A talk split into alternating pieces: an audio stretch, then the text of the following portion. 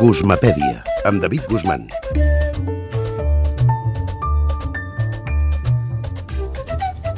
Hola, David, bona nit.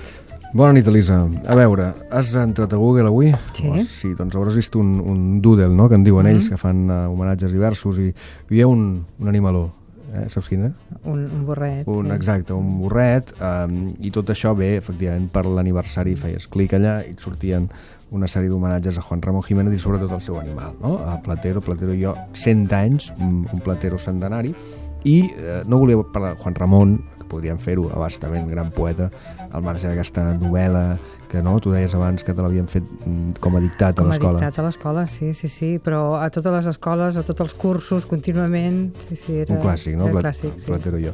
Doncs eh, volia, volia parlar-ne per la banda... De, és a dir, jo sempre, he trobat que Platero jo té un inici un inici literàriament millorable, eh? per dir-ho així, és a dir, un punt naïf eh, o directament cursi. Per, recordem el cas, diu Platero es pequeño, peludo, suave, punt i coma, ho dic pel teu dictat, eh? Gràcies. tan blando por fuera que se diría todo de algodón, no? I després segueix, clar. Platero i, i, i jo, o Platero i Juan Ramon, diguem no, no hauria passat a la història segurament per aquest inici, sí per la història eh, molt més tendra que ve a continuació. No? En tot cas, volia reivindicar altres inicis literaris, en alguns casos, en fi, gloriosos i a l'altura de la novel·la que encapçalen, amb d'altres molt més materis i molt més, eh, en fi, molt més, podríem pràcticament formar part de l'inici de qualsevol altre llibre o qualsevol altra història i continuaria funcionant autònomament. No? Per exemple, quan tenia 6 anys, una vegada vaig veure un dibuix magnífic en un llibre sobre la selva verge que es deia Històries viscudes. Representava una boa empassant-se una fera. Aquí teniu la còpia del dibuix. Doncs que això és ràdio, no puc ensenyar el dibuix, però és un dibuix fet per un tal Antoine de Saint-Exupéry, aviador, eh? i que a més a més eh, el seu petit príncep que aquests dies ha pujat fa no gaire als escenaris per enèsima vegada, en aquest cas en forma crec de, de musical, no? Mm -hmm. El petit príncep, no només a l'inici, sinó tota la, la història que ve a continuació, fins i tot la dedicatòria a León Vert, crec que és, una, és un inici molt interessant. Muchos años después, aquest estat mm, insuperat. Muchos años después, frente al pelotón de fusilamiento, el coronel Aureliano Buendía había de recordar aquella tarde remota en que su padre lo llevó a conocer el hielo. Uf, Sí, és una Uf. frase així de... 100 anys de soledat. A partir d'aquí comença no, la novel·la que resumeix en 100 anys la soledat d'un continent, o la història d'un continent, segurament la més coneguda de García Márquez. No?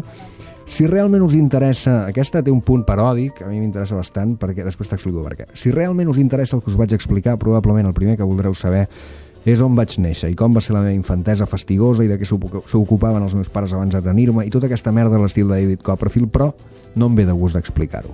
És a dir, què fa aquí Salinger? Eh, Això és l'inici del Vigilant en el camp de Sègol, no? de Catcher in the Rye, que també tantes generacions d'estudiants han hagut de llegir eh, en idioma original o traduït. doncs fixa que jo l'he llegit per primera vegada aquest estiu. De debò? Sí, què et va semblar? no l'havia llegit. Em va sorprendre, perquè no sabia de què anava.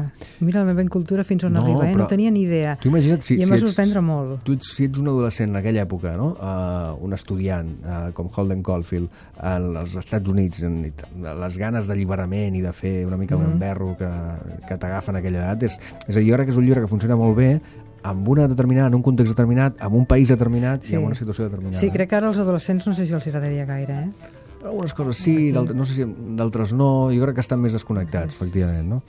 Però, en canvi, és un llibre molt interessant per, per aquest to. És a dir, Salinger va trobar un to eh, que va més enllà del, cinisme, és una cosa literària Sí, sí. molt... I, per exemple, aquest inici que, que parodiava David Copperfield, parodia Dickens i els tòpics de Dickens, no? La, la fa, infantesa fastigosa, tot això. I que t'atrapa, eh? És un començament que t'atrapa. Sí, no, no, i tant, i continues eh, seguint les seves peripècies, no? Espanya es constitueix en un estat social i democràtic de dret que propugna com a valors superiors al seu ordenament jurídic la llibertat, la justícia, la igualtat i el pluralisme polític. Saps què és això? Que bonic i, És- que, i que mentida. I que, i que literari, no? Efectivament, la Constitució espanyola, eh? no sé què fa aquí, eh, per cert. Tu sabràs. No, ja, fa, faig, no l'he volgut incorporar per, efectivament, per, per, per, pel matís que has fet aquest de que bonic i que mentida, no? per la llibertat, la justícia, la igualtat. Aquest és el, és el text que, intocat i intocable que volen mantenir rígidament fins eh, d'aquí molts anys. 1918 8 de març, com que hi ha tanta grip, han hagut de clausurar la universitat. D'ençà d'aquest fet, el meu germà i jo vivim a casa, a Palafrugell, amb la família. I després continuem sabent històries de Josep Pla i del seu quadern gris. No? També és un inici eh, molt recordat. L'amor em fa fàstic. Pam, declaració de principis de l'home, Mercè Rodoreda, que també et deixa bastant garrativat només començar el llibre. En el principi, Déu va crear el cel i la terra. La terra era caòtica i desolada, les tenebres cobrien la superfície de l'abisme i l'esperit de Déu planava per damunt les aigües. I Déu digué que hi hagi llum i hi hagué llum. Al principi de tot. Això, exacte, a l'inici dels inicis, el llibre del Gènesi.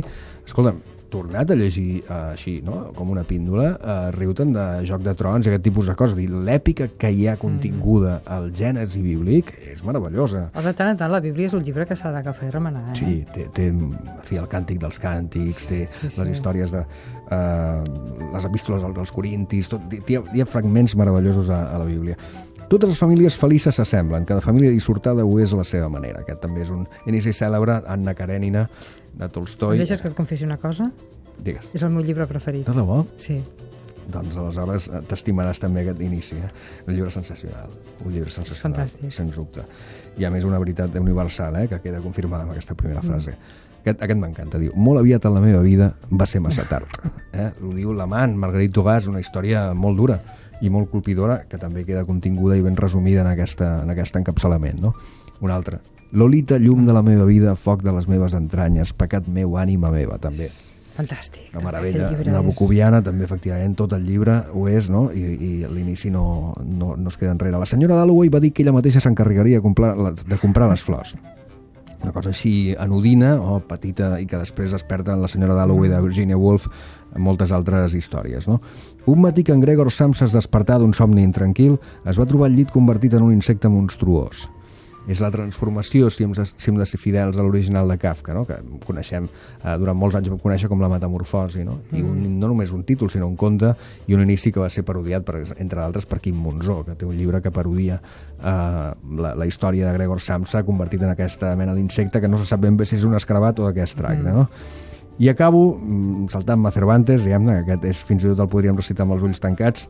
Conta'm, musa, les accions d'aquell home astut que va anar errant durant molt de temps després d'haver destruït la sagrada ciutadella de Troia.